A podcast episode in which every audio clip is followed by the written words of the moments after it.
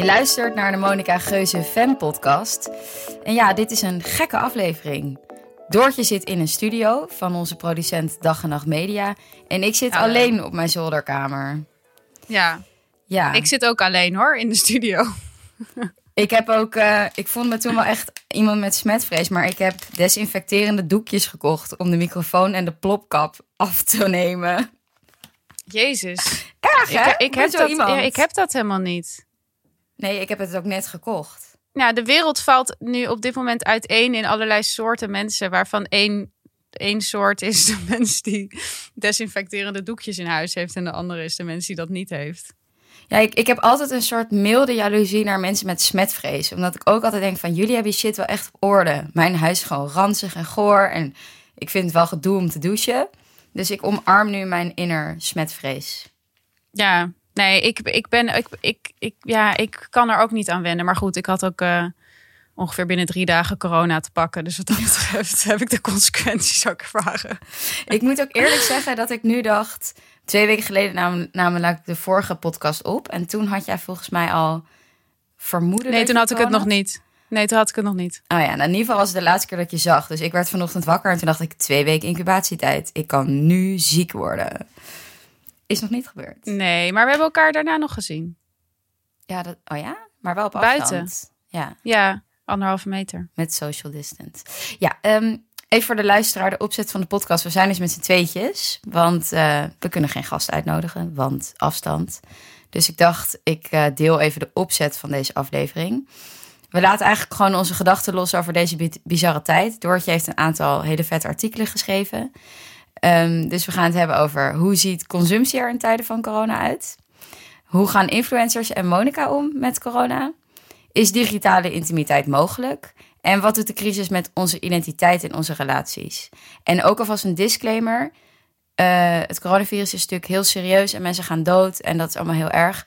En hier behandelen we ook wat luchtigere onderwerpen die ook Ja. geïnfecteerd worden door corona. En ook een disclaimer. eh, wij weten het ook allemaal niet meer. Nee, dus dit is ook een, een, een, eh, een niet gefact-checked podcast. Nee, het is een fact-free. Krijg je informatie bij het. RIVM, bij de correspondent en that's it. Ja, ja, precies. Zoek je informatie maar bij onze werkgevers. Verder eh, wij houden wij het hierbij. Ja. Hoe is het Hey. met je? Ja, nou, het gaat wel oké. Ik, eh, we hebben hiervoor, we hebben de, de, de dagelijkse rant over hoe het gaat hiervoor al gehad. Dus we kunnen nu doen alsof we heel positief zijn. Ehm, het gaat wel oké. Ik bedacht me dat er werd een steiger om mijn huis geplaatst. Ongeveer tegelijk met dat de isolatie inging. Dus dat was een eh, fijne onderstreping van eh, de quarantainesituatie. Ehm, en dus mijn hele huis is nu omheind met stijgers. Eh, behalve één raam. En ik heb me heel erg gefocust op dat raam. En ik leef eigenlijk in en rond dat raam. Want ik kan, als ik er een stoel voor zet, kan ik heel goed in de zon zitten bij het raam. En eh, ja, er schijnt veel zon doorheen. Eigenlijk is dat een beetje mijn metafoor. Hoe het, hoe, het, hoe het gaat. De situatie is kut, maar ik klamp me vast aan het raam. Ja, en je pas je ook snel aan. Want je bent nu al blij met een raam. Ja, precies. Maar ik weet niet wat er gebeurt als dat raam wegvalt hoor. Dat, eh, Maar dat, denk ik elke dat- keer. Bij elke persconferentie denk ik, ik weet niet wat er gebeurt als er nu... En elke keer pas je toch aan. Oh, ja. Ja, precies. Ja, ja je, je, wordt wel, je wordt wel heel flexibel. Het, het deed me ook denken aan ehm, Pieter Steins. heeft zo'n heel mooi dagboek bijgehouden toen hij ALS had. Hij is inmiddels eh, overleden daaraan. En hij beschreef ook steeds dat hij dan... Weet je, je, je- al je vitale functies vallen uit. Dus je kan niet meer praten. Op een gegeven moment kan je niet meer lezen. Dan kan je niet meer lopen. En dat, hij, dat je dan steeds toch nog door wil leven met dat ene... Maar nu, ik kan nog Mm. dit, weet je. Ik kan, maar ik kan nog slikken, weet je. En dat, zo, dat is natuurlijk veel erger dan wat ons nu overkomt. Maar zo voelt het misschien wel een beetje. Hmm. Alles wendt. En alles wordt uiteindelijk een soort eh, iets om je aan vast te klampen. En met jou? Nou, ik leef in Zoom-meetings voor mijn gevoel. Ja. Eh, dat is, Hoe is eh, dat? Ja, vermoeiend.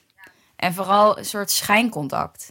Dus bijvoorbeeld dan de Ja. vrijdagmiddagborrel. Dan ben ik gewoon best wel dronken met allemaal mensen in Zoom. Maar dan word je Ja. volgende ochtend wakker met een hele lege kater. Omdat je gewoon niet tegen iemand aangezeten hebt. En Ja. En hoe is dat? Ik heb dat nog niet ervaren, maar het lijkt me ook raar om zeg maar dronken te worden je focus je dan op dat scherm, kan ik Ja. me voorstellen. Maar uiteindelijk kijk je om je heen en je bent gewoon alleen. Ja, en heel eerlijk, je kijkt ook veel naar jezelf.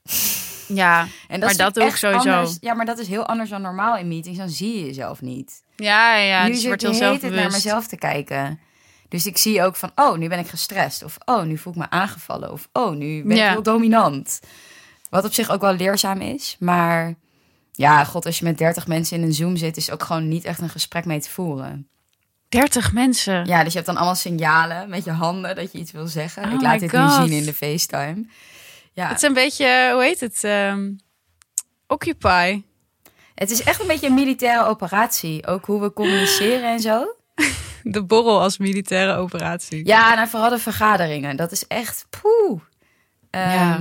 Dus, eh, en hierna heb ik dan ook eh, in een videocall een meeting met mijn therapeut. Dus Ja, ik weet niet, dat scherm aan het eind van de dag Ja. het helemaal zat. ja precies. Het is, ja, het is weird. Ik heb, ik heb dat dus, ik heb dat niet zo. Eh, die, maar ik, ik ben wel een soort FOMO of zo. Dat je iets Ik hoor mist in Zoom. Nou, ik hoor van iedereen van Zoom-meeting, dit Zoom-meeting, dat denk ik, ja, ik heb, ik heb dat toch helemaal niet gehad. Of tenminste, ik heb een paar Zoom-gesprekken gehad, maar niet zoals jullie met 30 mensen of zo. Dat Mm. niet. En ik hoor ook van mensen dat, ik weet niet of jij je al een keer hebt aangemeld voor de app House Party. Ik Nee. heb dat wel gedaan op een, op een eh, zwakke, zwakke donderdagavond.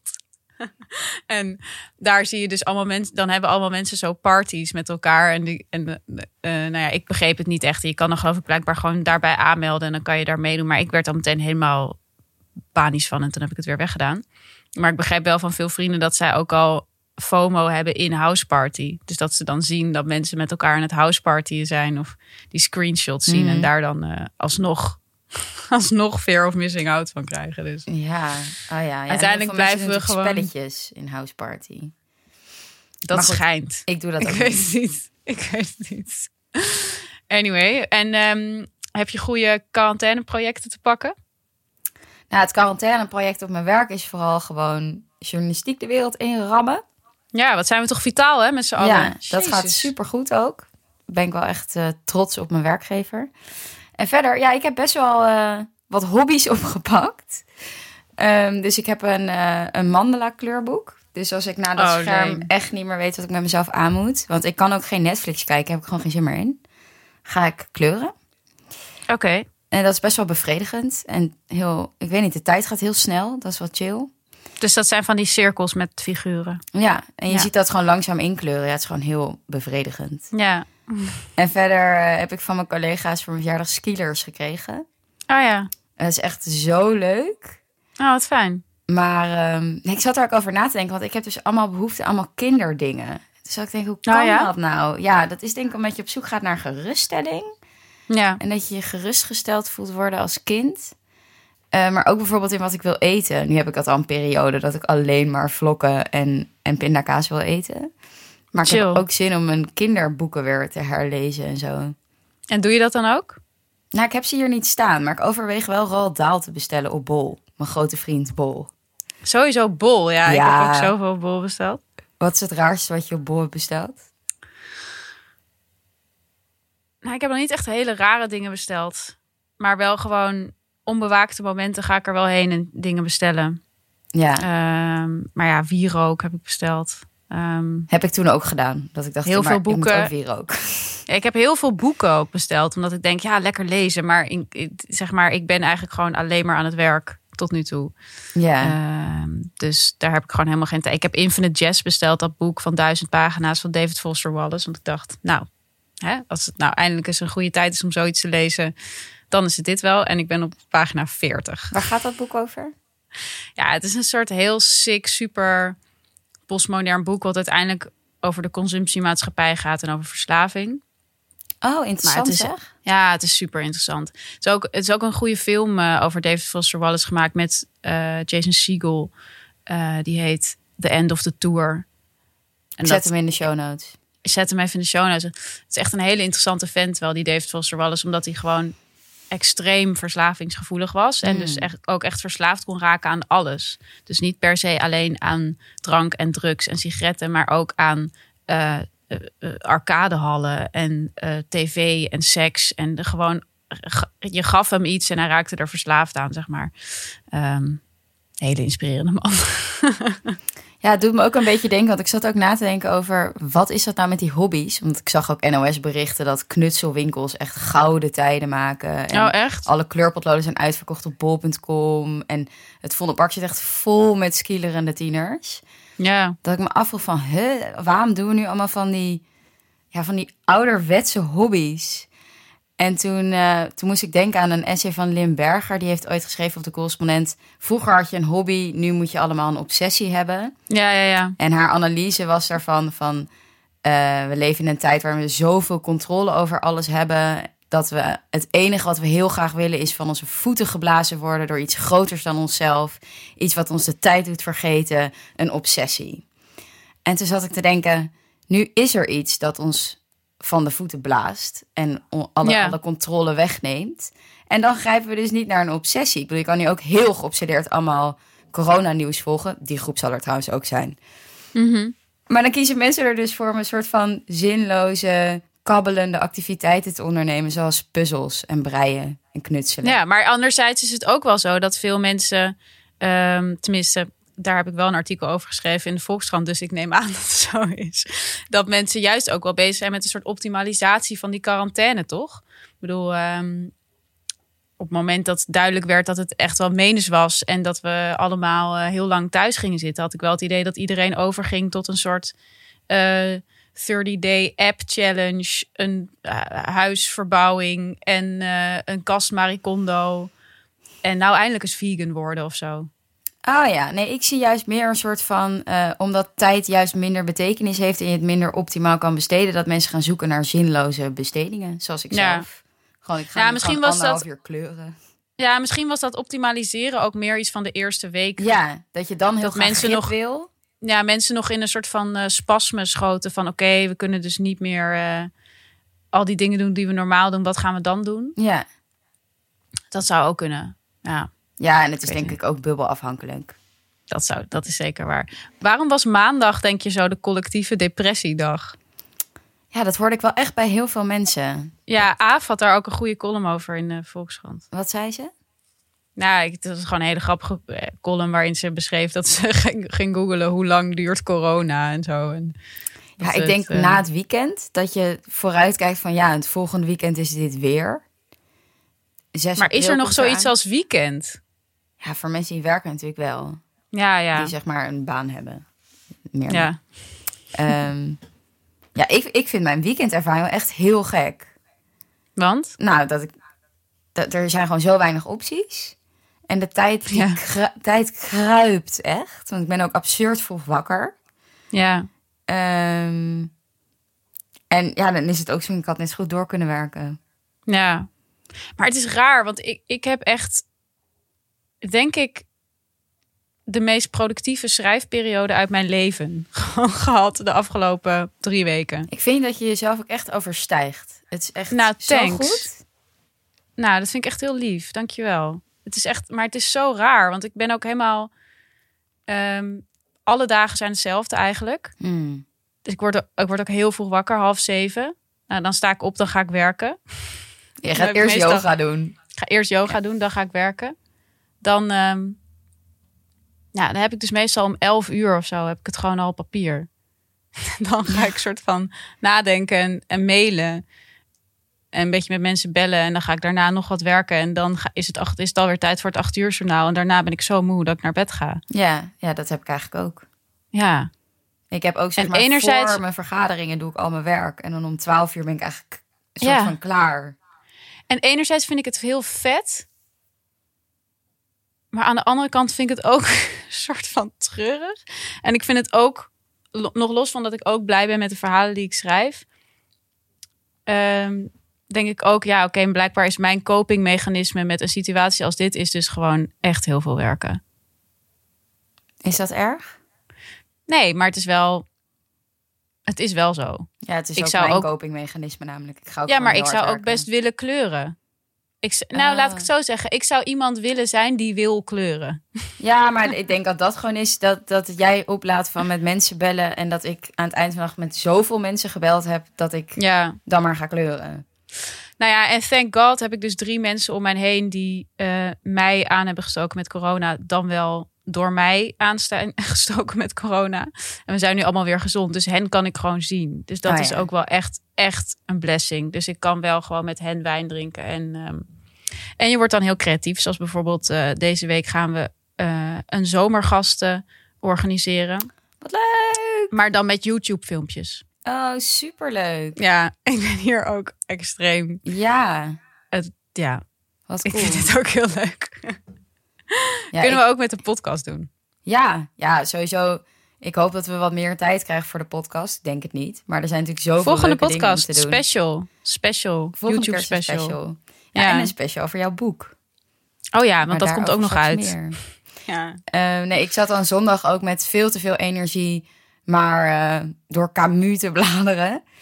En eh, toen kwam ik ook een, een stukje tegen in de mythe van Sisyphus, waar die onderzoekt of, hij, of zelfmoord de enige juiste optie is. En hij komt jij zat er echt lekker in. Nou, nee, ik zat gewoon met de gedachte van je tijdsbesef verandert zo. Er is geen tijd Ja. meer voor corona. Er is geen Nee. toekomst, want je hebt geen idee hoe die eruit ziet of wanneer die weer begint. Je kan nergens Nee. naar uitkijken, je kan niet plannen, gewoon niks. En toen, eh, dus, dus toen ging ik naar de existentialist, zo van wat moet ik hier nou mee? En hij zei ook van ja, eigenlijk is het eh, heel dom om naar morgen toe te leven, omdat het een dag eerder bij de dood is. Dus daar hou ik me Mm. wel een soort aan vast van dit is wel de meest mindful tijd ooit. Want je moet nu leven, want er is gewoon niet echt iets anders. Ja, maar dat vind ik dus ook wel. Dat vind ik wel een soort van chill eraan. Dat je gewoon. En dat heb ik nu dus ook met die drie mensen om me heen. Zitten we steeds van ja, wanneer zien we elkaar? Morgen of overmorgen. Je weet toch dat niemand plannen heeft. Dus je verliest helemaal dat, dat panische gedoe met je agenda. Weet je wel, het is gewoon, ja, we zien elkaar wel als we elkaar zien. En we appen elkaar wel als we tijd hebben. Weet je wel. Dus Ja. het is. En dat vind ik, dat, dat, ik merk wel dat dat die dat het je relaties erg ontspant op een Hmm. bepaalde manier. Ehm, maar ja, Ja, ook daarvan. omdat misschien het contact gewoon voortkomt uit zo'n basale behoefte aan gewoon chillen, intimiteit, een beetje gezelligheid. En niet maar ook van- echt behoefte aan fysiek contact. Ja, ja, mijn huidhonger is echt... Ik kwam Maar kan collega's jij niet tegen in huggen- het park en ik had me bijna op ze geworpen. Ja, maar dat snap ik echt heel goed. Maar kan je niet huggen met je zusje of je moeder? Ja, daar huk ik wel mee. Ja. Maar goed, ik kan ook niet de hele dag bij hun zitten huggen natuurlijk. Waarom niet, Leen? Waarom niet? Ja, die mensen hebben ook al... Mijn moeder is aan het verbouwen en Teun is gewoon aan het Ah. werk. Shit. Ja, oké. eh, hey, maar door hoe, hoe trek je het nu met dat alle horeca dicht is? Nou, dat verschilt. Eh, ik vond dat de eerste week echt heel erg. Daar heb ik toen ook meteen een stuk over geschreven in de Volkskrant. Of tenminste als startpunt. Eh, dat is wel grappig trouwens. Ik, ik, er was een tijd, heel heel lang geleden, dat ik nog best wel veel moeite deed om zeg maar bronnen te vergaren voor mijn stukken. En dat je dan echt onderzoek deed. En nu is het eigenlijk alles wat iedereen tegen mij zegt, komt waarschijnlijk terug in een stuk. Gewoon, Ik zag elke- het. elke vriend is een potentiële bron en eh, iedereen, eh, niemand is veilig voor mijn tekstverwerking. Nou, gelukkig ben ik dat gewend.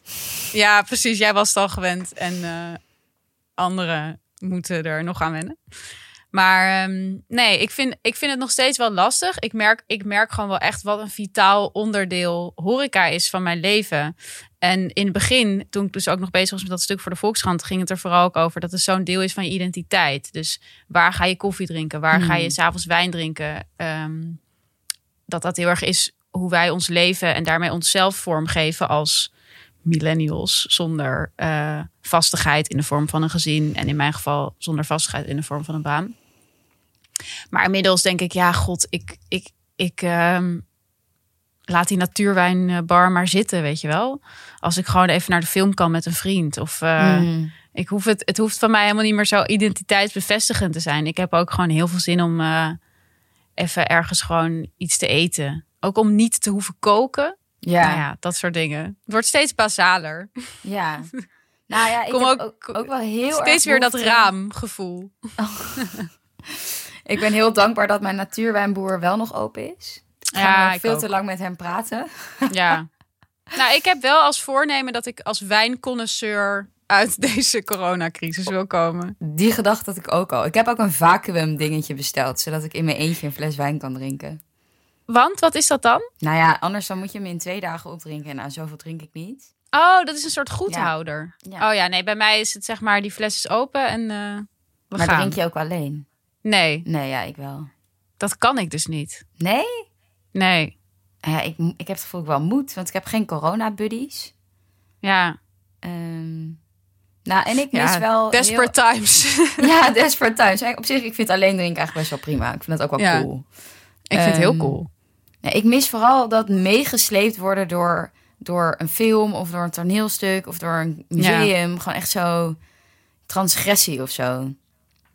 Zo normaal zou ik helemaal niet weten dat ik daar zo'n behoefte aan heb. Maar het is allemaal zo, je wereld is zo klein nu. Nou, en het is gewoon, het is wat wel met die identiteit zo is, dat je gewoon merkt dat je anders, je kijkt anders naar jezelf als je vaak door anderen wordt bekeken. Ik had Mhm. bijvoorbeeld, gisteren werd ik geïnterviewd door Nederlands Dagblad en dan moest ik ook op de foto. En toen, en toen kwam de mensen fotograaf. juist? Nou, we hebben buiten gedaan. Oh ja. En ehm, toen kwam die fotograaf en dan dacht ik echt, eh, oh ja, weet je wel, ik heb ook nog zoiets als een uiterlijk Mhm. hiertoe verhouden. Het was echt, dat voelde echt heel lang geleden. Terwijl als je gewoon vaak in de horeca bent, dan ben je gewoon zichtbaarder of zo. Als je gewoon vaak onder de mensen bent. Nou, en je kan dan zo bewust kiezen van hoe voel ik me vandaag en wat doe ik daarbij aan en waar heb ik zin in? Heb ik zin in natuurwijn of meer in, in dit? En dat, die Ja. afweging heb ik nu helemaal niet. Nee, er is gewoon niet meer echt sprake van een keuze of zo. Ja, ik vind het wel grappig dat je dus ook houseparties hebben die genoemd worden naar mensen's favoriete café. Oh, echt? Ja, zodat er een soort van de sfeer gecreëerd wordt van het café. Ja, mensen proberen van alles. Ja, mensen, mensen zijn creatief. Ja, ik was ik vind ook- trouwens, ik vind wel dat de journalistiek echt, eh, echt floreert. Dat, Ja, dat, dat vind ik wel echt interessant om te zien. Want Ik werd deed in het begin een beetje lacherig over van oh, journalisten vitaal beroep. Maar als ik gewoon kijk naar alle verschillende vormen van journalistiek, of het nou gewoon een krant is, of een Lubach, of eh, echt een man repeller, of een Bon Appetit. Ik vind echt dat ze allemaal zo creatief en zo ehm, interessant omgaan met deze tijd. En echt ook iets toevoegen allemaal. Mhm. Dus dat ze, ehm, ja, dat vind ik echt wel vet om te zien. Ja, ja, en het is natuurlijk gewoon heel belangrijk nu, goede informatie. Ja, En ik vind ook wel, ja, dat, dat, dat is toch een beetje. Je ziet ook bijvoorbeeld fake nieuws wordt meteen in de kiem gesmoord, omdat er dan meteen een viroloog op zit of iemand die. ja zeker. Nou, je ziet gewoon hoe, hoezeer mensen behoefte hebben aan verhalen en aan een soort van ideeën waar ze zich aan kunnen vastklampen. Want ik had dat verhaal geschreven in de Volkskrant over eh alleenstaand te zijn in Mhm. eh, isolatie, zoals wij zelf. En ehm, toen merkte ik echt dat ik meteen een soort halve spokesperson werd voor zeg maar Hmm. single jong Nederland. En ook het aantal mannen dat eh, mijn stuk als een soort open uitnodiging hadden ervaren om eh, hun eenzaamheid met mij te delen, zo gezegd, eh, was ook opvallend. Dus ehm, ja, dat is dat mensen klampen zich echt vast aan elke vorm van, van informatie op dit moment. En ik vind het heel tof om te zien hoe weinig daar misbruik van wordt gemaakt, zeg maar. Ja, en het is ook een representatieding. Van iedereen wil natuurlijk wel dat hun verhaal van hun groep zichtbaar is. En ik was Ja, het helemaal met je dat eens dat, dat in de media ging het alleen maar over mensen met kinderen.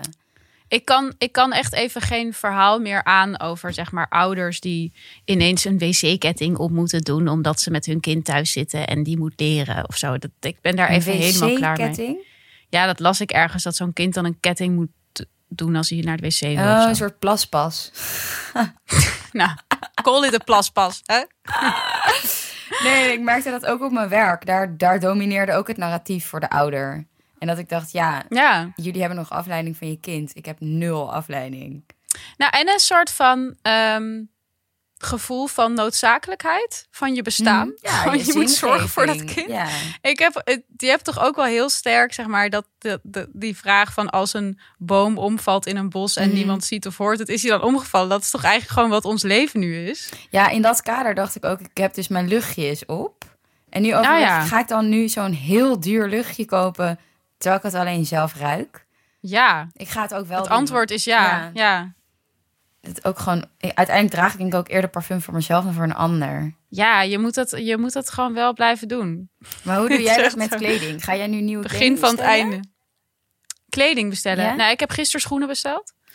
Ehm, dus ja, Wandelschoenen eh, of wel gewoon mooie schoenen? ja bergschoenen. en een koevoet en een zaklamp heb besteld. Nee, grapje. Eh, nee, All Stars. Oh, chill. Dacht, het wordt zomer. Ja, Ehm, nee, ik ben wel heel blij dat ik nog steeds dus mijn drie eh corona-vrienden heb.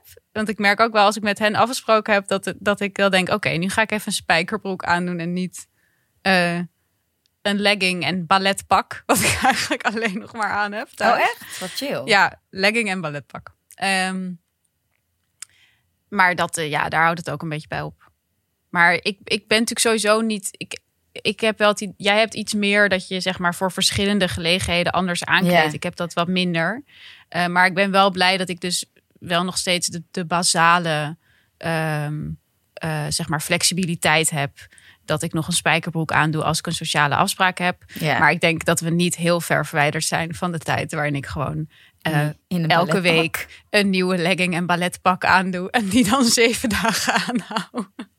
Het is natuurlijk ook wel grappig, want influencers die verkopen nu alleen nog maar huispakken en sheetmasks. Zo van hun Ja. hele industrie is gewoon omgeschakeld van horeca naar sheetmasks en hele dure joggingpakken. Als ze nog werk hebben, joh. Ik, ik maak me echt een beetje zorgen over de influencer. Ja, nou ja, je ziet natuurlijk sowieso, ik, ik zit in van die vakblad nieuwsbrieven van reclame. En dat is echt totale nood aan de man. Ja, Dat is natuurlijk het eerste wat iedereen wegbezuinigt. ja zeker. Ja, je ziet dit ook in Amsterdam. Alleen maar van die straatreclames met applaus voor de zorg. Ja, Dat, eh, maar dat is ook wat influencers doen, toch? Ik bedoel, influencers worden ook ineens mega woke. Dat, ik, ik schreef eh, in Vrij Nederland over de vermeende tegenstellingen tussen millennials en babyboomers en hoe ze omgaan met coronamaatregelen.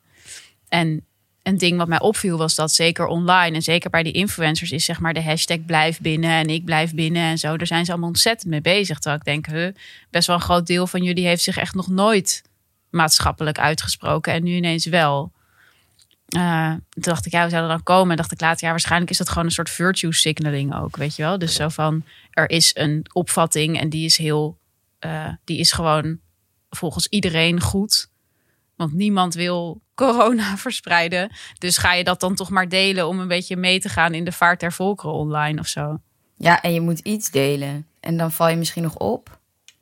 Je had ook wel echt een paar... Je valt in, je valt in elk op. geval niet negatief op. Nou, maar er waren ook wel Instagrammers die zo flink op de trommel gingen slaan. En op Twitter die zichzelf een soort van spokesperson voor het binnenblijven optraden, zeg maar. Dat ik ook dacht, oh ja, dat is dan nu een manier om je te profileren of zo. Ja, het is een manier om je te Ja. profileren, tuurlijk. En het is, het is gewoon heel safe, want niemand kan het ermee oneens zijn.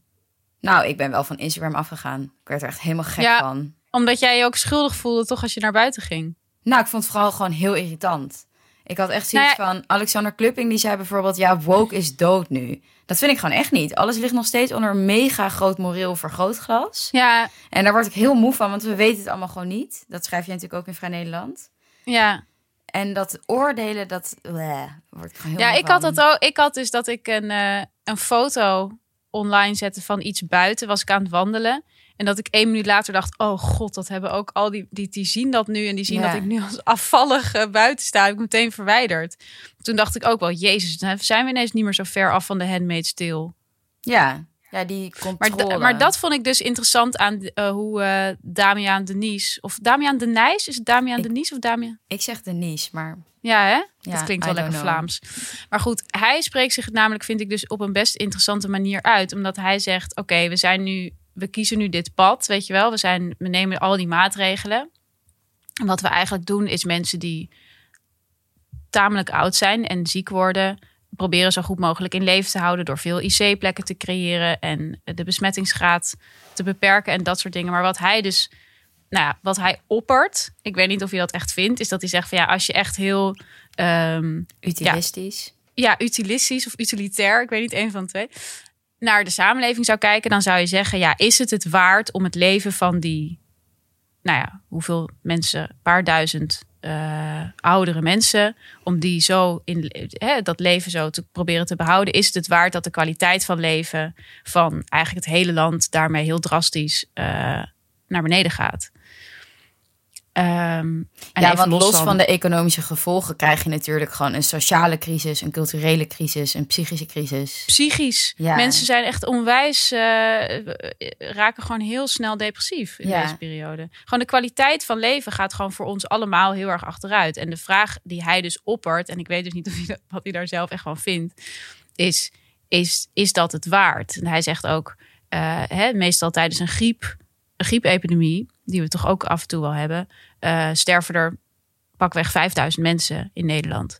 En dat is een, een eigenlijk, eh, ja, dat, dat, dat is iets wat we aanvaarden omdat we ook het belangrijk vinden om de economie draaiend te houden. Dat we dus niet allemaal heel de winter binnen willen gaan zitten om die griep uh, niet te verspreiden. Ja, het verschil is ehm, natuurlijk ook, we hebben bijvoorbeeld een inenting tegen de griep. Dus daar hebben ja, we, kennen de griep. dat we, dat we daar controle over nou hebben. Ja, dat, begrijp, dat, dat beschrijft hij dus ook heel goed. Dat je zegt, um, we zijn gewoon niet gewend aan controleverlies. En dat is wat er nu gebeurt. We gaan toch allemaal manieren bedenken om dit te controleren. Weet je wel? geen, uh, of het nou anderhalve meter afstand is, waarvan je ook kan zeggen: ja, het is ook gewoon maar een getal, weet je wel.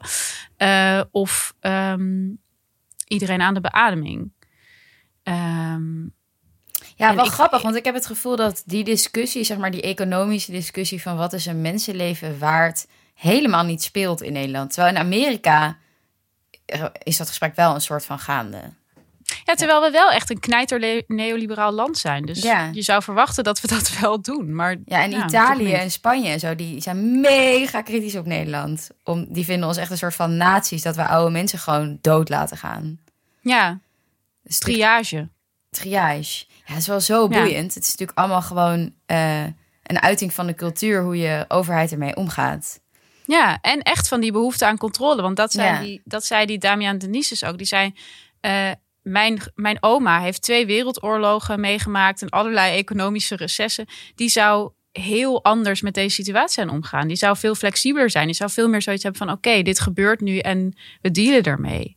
Um, en hij zegt dus, er komt een moment waarop die balans doorslaat. Dus waarop die, die controledrang uh, gaat, gaat overheersen boven onze collectieve kwaliteit van leven. Ik zeg niet dat ik weet, ik weet verder niet of we daar al zijn of dat je daar überhaupt iets over moet zeggen. Maar ik vond het wel interessant dat iemand zo'n zeg maar impopulair hmm standpunt durfde in te nemen. Ja, wat er eigenlijk gebeurt is dat door onze angst voor controleverlies verliezen we ook zeg maar het rationele overzicht over de situatie.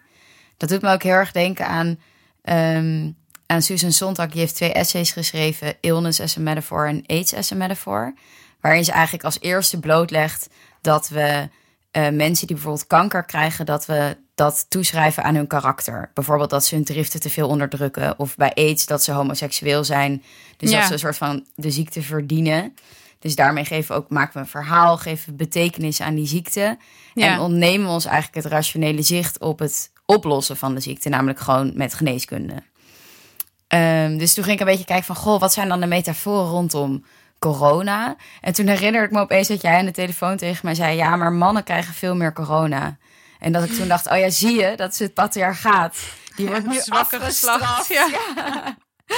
nou ja, maar het is sowieso, het is, het, het is wel, er is wel echt heel veel rationalisering gaande, toch? Rond, rond corona. Want ook wel met die, waar ik het dan over had, met die millennials en babyboomers. Dat iedereen zegt van ja, de babyboomers zijn onvoorzichtig, die gaan gewoon naar buiten. En dan die millennials onderling van wij zijn zo voorzichtig. Terwijl ik echt denk, iedereen doet maar wat. Weet je wel, er is helemaal hmm. geen sprake van generatieverschillen en sowieso. Maar dat zijn ook verhalen, toch? Dat, ja, het zijn echt verha geen verhalen aan het vormen. Terwijl... Ja, maar en dus ook redenen aan het zoeken waarom inderdaad misschien de een meer kans loopt dan de ander. Terwijl, nou ja, ik ben dus echt nooit ziek, maar echt nooit een dag in mijn leven. En ik kreeg dus wel corona. Dus echt ook mijn, iedereen die ik ken was ook echt helemaal met de handen in het haar. Zo van, als Doortje al corona heeft, weet je dus ja, maar goed, stil alive. Nou ja, ja, en ook met die metaforen las ik ook een stuk in de New York Times. Dat vond ik zo chill. Dus die draait het zeg maar om. Zo van, het virus is natuurlijk zelf een metafoor in onze tijd.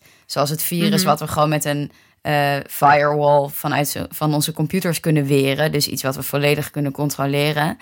Ehm, of iets wat viral gaat. Dus zel- zelfs een positieve lading aan het begrip virus. En hij schreef ook eh, dat het woord influencer letterlijk van het woord flu komt. De griep. Ja, Ehm, het lijkt ook op influenza. Ja, het komt van influenza. Dat wist ik helemaal niet. En hij zegt ook van ja, misschien dat door die positieve lading en het gevoel dat we het volledig kunnen controleren, zijn we te laat in de westerse wereld eh, serieus geworden. Mm. Ja, zelfoverschatting. Ja, we hebben het gevoel dat we alles kunnen meesteren, masteren. Of wat ze zeiden over eh, Amerika, toch? Dat ex- exceptionalisme of zo. Dat Amerikanen en Amerika als geheel altijd denkt... ja, dat overkomt ons niet of zo. En dan toch wel. Ja, Trump was natuurlijk letterlijk al een muur aan het bouwen. Ja, precies, ja. ja, inderdaad. Hey, wat zijn de... Wat zijn de eh, is het tijd voor de positieve kanten aan Ja, laten we dat doen. Ja. Ik, eh, ik had wel een positieve twist in die zin. Ehm, nou ja, het begon enigszins negatief, want we zouden natuurlijk naar New York gaan en dat ging niet door. En een van de dingen die ik in New York zou doen was Esther Perel interviewen. Dat ging wel door, maar dan via Zoom. Eh, en dat was zo interessant en zij eh, kon Esther zo goed Perel is een uitleggen. psycholoog. Ik neem aan dat onze luisteraars haar kennen, maar psychiater. Ja, psychotherapeut en eh, gespecialiseerd in relaties. En eh, nou ja, zij kon mij heel goed uitleggen hoe, hoe relaties veranderen. En eh, nou ja, hoe je in deze tijd ook.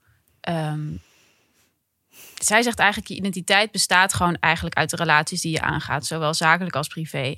En omdat in deze tijd je zo wordt afgesloten van alle dagelijkse contact, ga je op een hele natuurlijke manier jezelf in de vorm van die relaties herevalueren. En dat, dat ervaar ik ook best wel erg. Ehm, dat je ineens echt merkt dat je met bepaalde vrienden zo close bent en zo'n behoefte hebt om ze te zien, of en dan in elk geval nog om ze te horen. Weet je, hetzelfde je- als, als als je rouwt, dan krijg je dat ook. Ja, maar zij vergelijkt het ook met rouw. ja, zij het is zegt, we collectieve zitten, rouw nu. we zitten Ja. in een collectieve rouw. Ja, je hebt het al gelezen. Nee, er was ook een ander stuk op eh, Harvard Business eh, website. Oh, echt? Collectieve rouw. Shit. Ja, ik zet hem in de Ik show ben notes. gescoopt. Ik ben gescoopt. Ehm, zij zegt inderdaad van het is een collectief rouwproces. eh, en we, we, we rouwen om de relaties zoals we die kenden. En de wereld zoals we die kenden. En de toekomst zoals we die dachten te kennen. En eh, ja, binnen dat proces gaan we eigenlijk alles herevalueren. En ik heb zelf de tamelijk eh, onfortuinlijke vergelijking... dat we eigenlijk bezig zijn met een persoonlijke triage in onze sociale kring. Ehm, maar ik vind dat wel interessant. En ik merk dat ook wel echt bij mezelf. Heb jij dat ook? Ja, maar dan specifiek de relatie met mezelf. Dus ik merk. dan? Nou, ik merk dat. Ik denk dat. eh, dat ik, ik, ik vind het idee dat ik opgesloten thuis zit. Vond ik hiervoor, denk ik, het allerengste idee dat ik dan alleen met mezelf zou zijn. En dat ik niet naar buiten kan. En dat ik aan mezelf overgeleverd ben. En nu ben ik dus inderdaad met dat soort met, met hobby's en een soort van de, de battle met de klok aan het aangaan. En, en leer ik wel alleen met mezelf te zijn zonder Ja. die onrust. Of zonder dat ik totaal uitgeput ben. Dat kan ik ook wel hebben. Nou ja, en dat vind ik ook wel interessant. Want ik ben wel echt iemand die... Ik ben echt nooit alleen. Daar kwam ik nu achter. Ehm, ik ben echt nooit alleen. En nu ben ik wel heel veel alleen. En ook heel veel avonden alleen. Ehm, en dat vind ik eigenlijk best oké. Gewoon acht uur journaal en daarna naar bed. Prima. Ja. Maar ehm, ik zie ook wel echt hoe waardevol eh, bepaalde vriendschappen zijn en familie. En ook, ook gewoon bepaalde werkrelaties. Hmm. En ook wel over anderen dat ik denk, nou, dit vind ik eigenlijk niet zo'n hele boeiende relatie. Hmm. Dat gebeurt ook. Nou ja, Ja, nee, dat herken ik wel. Ik, ik denk dat ik vooral me realiseer hoe belangrijk de relaties met mijn collega's zijn. Ja die spreek je ook ver uit het meest volgens Ja. mij. Dus dat, eh, Ja, dat zijn echt wel hele is, belangrijke relaties in my life. Ja. ja, interessant. En verder, wat zijn nog meer voordelen? Ehm, nou, ik merk dat ik het wel chill vind dat ik minder keuze heb. Dat, Ja. dat vind ik wel relaxed. En ik vind ook het niet kunnen plannen chill. Want Ja. ja. je moet gewoon maar berusting nemen met wat het is. En ik leg mezelf wat minder druk op. Dat vind ik chill. Ik heb ook echt nieuwe waardering voor mijn huis. Ja, ik ook. Ik ben echt zo... Love mijn huis. Ja, love mijn huis en love mijn planten en mijn bed. Ja. Daar kan ik gewoon echt zo blij van worden nu. Ik ben ook de hele tijd eh, planten en bloemen aan het verplaatsen. ja, ja, huis. verplaatsen, een beetje met je En handen wat ook een belangrijke hobby is voor mij, is eh, dingen in potten doen. Oh, leuk. Dus bijvoorbeeld rijst in een Ja. pot dan doen. Of ehm, pitjes. Pitjes in potten doen. Maar jij had al best veel potten in je huis. Ja, klopt. Toch? Ik ga ook Ja. echt bizar veel naar de supermarkt. Het is ook niet echt heel verantwoord natuurlijk. Oh nee, dat ga ik echt wel heel braaf één keer per week. Ja, echt? Oh, maar dat lukt mij dan En ik ben ook, ik ben al drie weken niet in de Albert Heijn geweest. Ga je naar de Turk? Ja, ik ga naar de Turk. Ja. Oh ja, nee, sowieso mijn koffieconsumptie is wel gewoon nog steeds op peil. Maar dat moet ik natuurlijk tijd kopen nu. Ga je dan koffie halen? Nee, nee, nee, ik koop gewoon koffie bij Oh. Albert Heijn. Maar ik, ik drink denk wel een, een pak havermelk in twee dagen. Wat chill. En, en ik, vind de, ik vind de supermarkt ook een soort geruststellende bezigheid nu. Ja, ik kan het niet aan, die Albert Heijn. Met iedereen zo in de Hmm. rij, dan krijg ik ook zo'n handmade stilgevoel. En een vriend Ja. van mij, Menno, die heeft op een gegeven moment tegen mij geopperd toen we aan het wandelen waren. Stel je voor dat corona onvruchtbaar blijkt te maken. Oh ja. En daardoor is elke, alles wat me doet denken aan handmade stil, daar word ik heel ongemakkelijk van. Ik vind dat sowieso heel moeilijk nu met, met series en Netflix. Ik, kan, ik trek echt niks. Zo van, ik vind Ja, alles Ghibli. Ik kijk- dystopisch. Ik kijk heel veel Ghibli-films. Ja, daar heb ik de aandacht niet voor. Oh, dat is heerlijk. Ik vind ook dit, dus het is heel niet langzaam. scrollen? Nee, Oh, wat goed. soms wel. Oh, maar meestal gelukkig. niet. You're Meestal human niet. after all. Maar ik zet mijn telefoon ook wel echt uit om een uurtje of acht, want ik word helemaal gek van het ding. Echt helemaal gek. Mm. En ehm, nee, een Ghibli-film en dan zeker, eh dat doe ik meestal drie avonden over. Dan zet ik hem Oh, gewoon uit. Na, Slim. na een minuut of eh 20, 30 ben ik ook alweer klaar mee.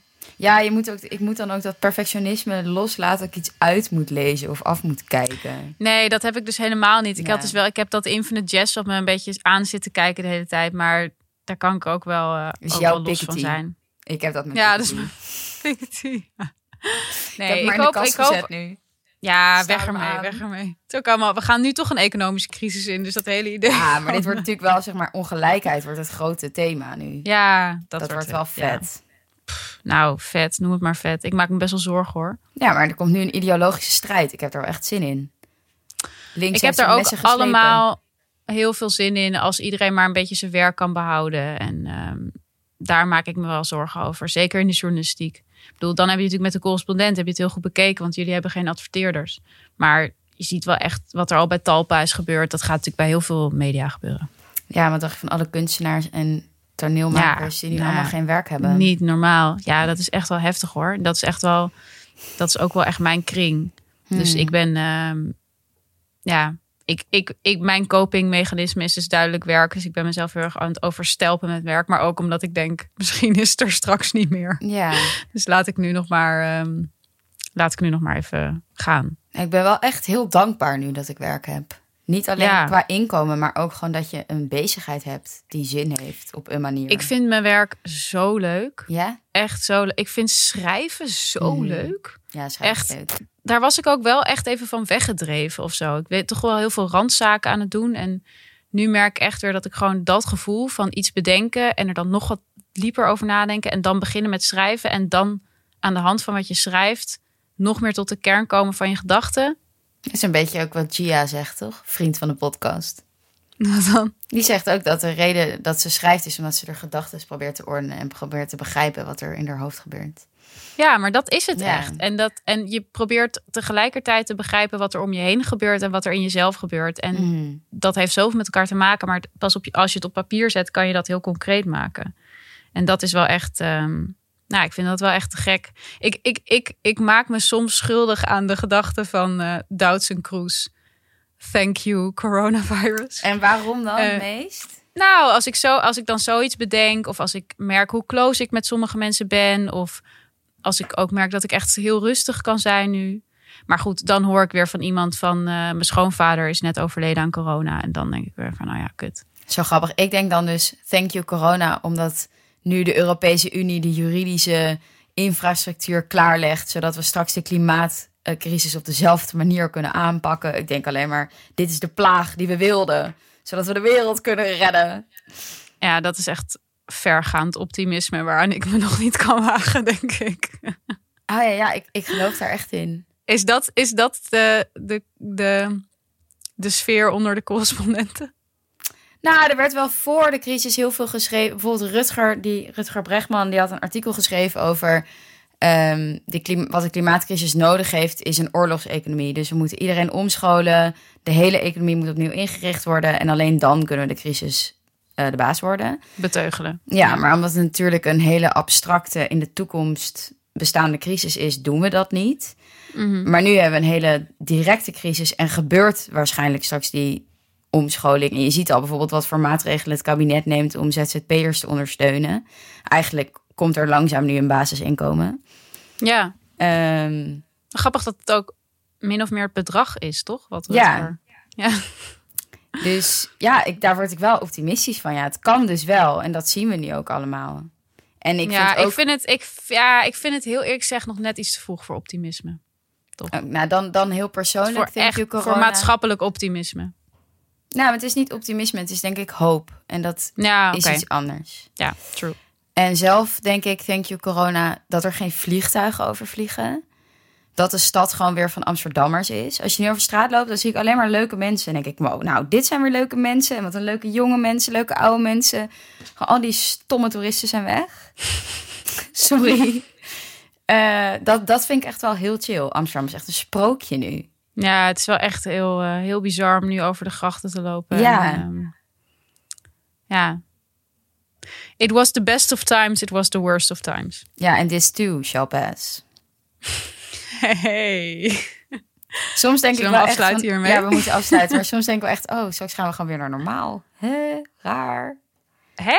Nee, man. Maar dan gaan we wel echt het allerepischste feest ooit tegemoet. Ja, maar ik zat steeds nog in mijn hoofd van... Um, ja, in mei gaan we echt feesten. Maar dat wordt... Uh, we mogen denk ik gaan hopen op een Indian Summer of zo. En dat er, dan, nog, dat er dan ergens nog een cafeetje is... wat nog net genoeg geld had gespaard om, uh, om nog open te. Ja, nog even ter afsluiting, want dit kunnen we Ja. niet, dit kunnen onze luisteraars niet aandoen. Monica heeft namelijk een reality-serie in Videoland. Heb jij al gekeken? Ik heb gekeken. Het is oh, en? echt heel juicy. Ja, ze, Oh, ze- echt? ja, ze vertelt wat dingen over Lars. Ik zou Oh. gaan kijken. Ja? Vandaag komt aflevering 2 online. Ik heb geen Videoland. Oh, je mag mijn inlog. Oh mag nee, ik heb een inlog van iemand anders al. Oh, shit. Neem een gratis maand. En dan ik ga hier werk van maken. Ik ga... En ik heb, ehm, ik heb nog een leuke tip voor iedereen die klaar is met nieuws over corona of podcast over corona of alles wat met corona te maken heeft. Desert Island Discs. Dat is is, echt heel erg leuk. Dat is een, ehm, een podcastserie of een radioserie die nu een podcast is van BBC Radio 4. En dat is heel simpel, namelijk gewoon allemaal bekende, leuke bekende mensen. Ehm, wordt gevraagd, je gaat naar een onbewoond eiland en je mag acht nummers meenemen. Oh, ja, dit ken ik. En dan kiezen ze allemaal hun lievelingsmuziek en dan vertellen ze daarover. En ik heb eh, daaruit natuurlijk ook weer een leuk eh quarantainespel gedestilleerd. Waarbij ik mensen steeds onderwerp aan vragen van... oké, je moet een maand in volledige quarantaine. ehm, en je mag maar één gerecht eten. Hmm. Drie keer per dag. Wat zou je dan kiezen? Ik zou, wat ik nu eigenlijk ook het liefst de hele dag eet, roggebrood met pindakaas en melkvlokken. Oké, En jij? drie keer per dag hè? Ja, zou ik echt drie keer per dag willen eten. Ja, ik denk dus gewoon brood met boter. Oh, goeie. Maar wel heel weinig voedingsstoffen. Oh ja. Oh, jij kijkt ook echt op een soort fysiek niveau We ernaar. moeten wel overleven. Ja. Nou, misschien dan gewoon Oké. nasi. Met, Ja, met- of soep of zo. Nou ja. Oké, je moet in quarantaine een maand. Je mag één minister meenemen. Nou, Eén- ik ben wel heel erg onder de indruk van Mark Rutte op het moment. Ja, Mark? Ik denk dat hij wel heel saai is. Maar nu, moet ook ik saai. nu val ik ook door de mand, want ik weet niet al die namen van ministers, joh. Vert Grapperhaus lijkt me een hele leuke man. Oh ja. Eh, daadkrachtig. Ja. Ehm, maar ik, eh, ik vind Wopke Hoekstra heel knap. Ja, ik vind Wopke Hoepstra ook knap. Dus eh, Hoe heette die guy die gisteren naast Mark stond bij de persconferentie? Hugo de Jonge? Ja, hij lijkt dus heel erg op die tovenaar van Harry Potter in, in, in deel 2. Dan zit er zo'n hele ijdele tovenaar in. Ja. Daar doet hij me heel erg aan denken. Hij gaat elke week onder de zonnebank, hè? Oh, echt? Ja, minister van Volksgezondheid. Nee joh, dat wordt verboden binnenkort. Heel goed. Oké, hierbij sluiten we af. Lieve luisteraars, we zijn er heel snel weer. En dan Ja. gaan we het hebben over Doortjes boek. Ja, want dat komt ook nog uit, lieve mensen. Ja, wanneer door? Als je nog iets leuks te lezen zoekt in de komende dagen, komende Ja. weken, Dan- komende maanden. kan je Doortjes boek bestellen. En even in onze show notes kijken, want daar zet Ja. ik ook nog meer luister- en Je kan, mijn boek, in. eh, je kan mijn boek al bestellen op Bol en het komt ehm 16 april. Hartstikke snel. Is er. Zo spannend. Doei Leen. Doei. Love you. Love you too. Doei.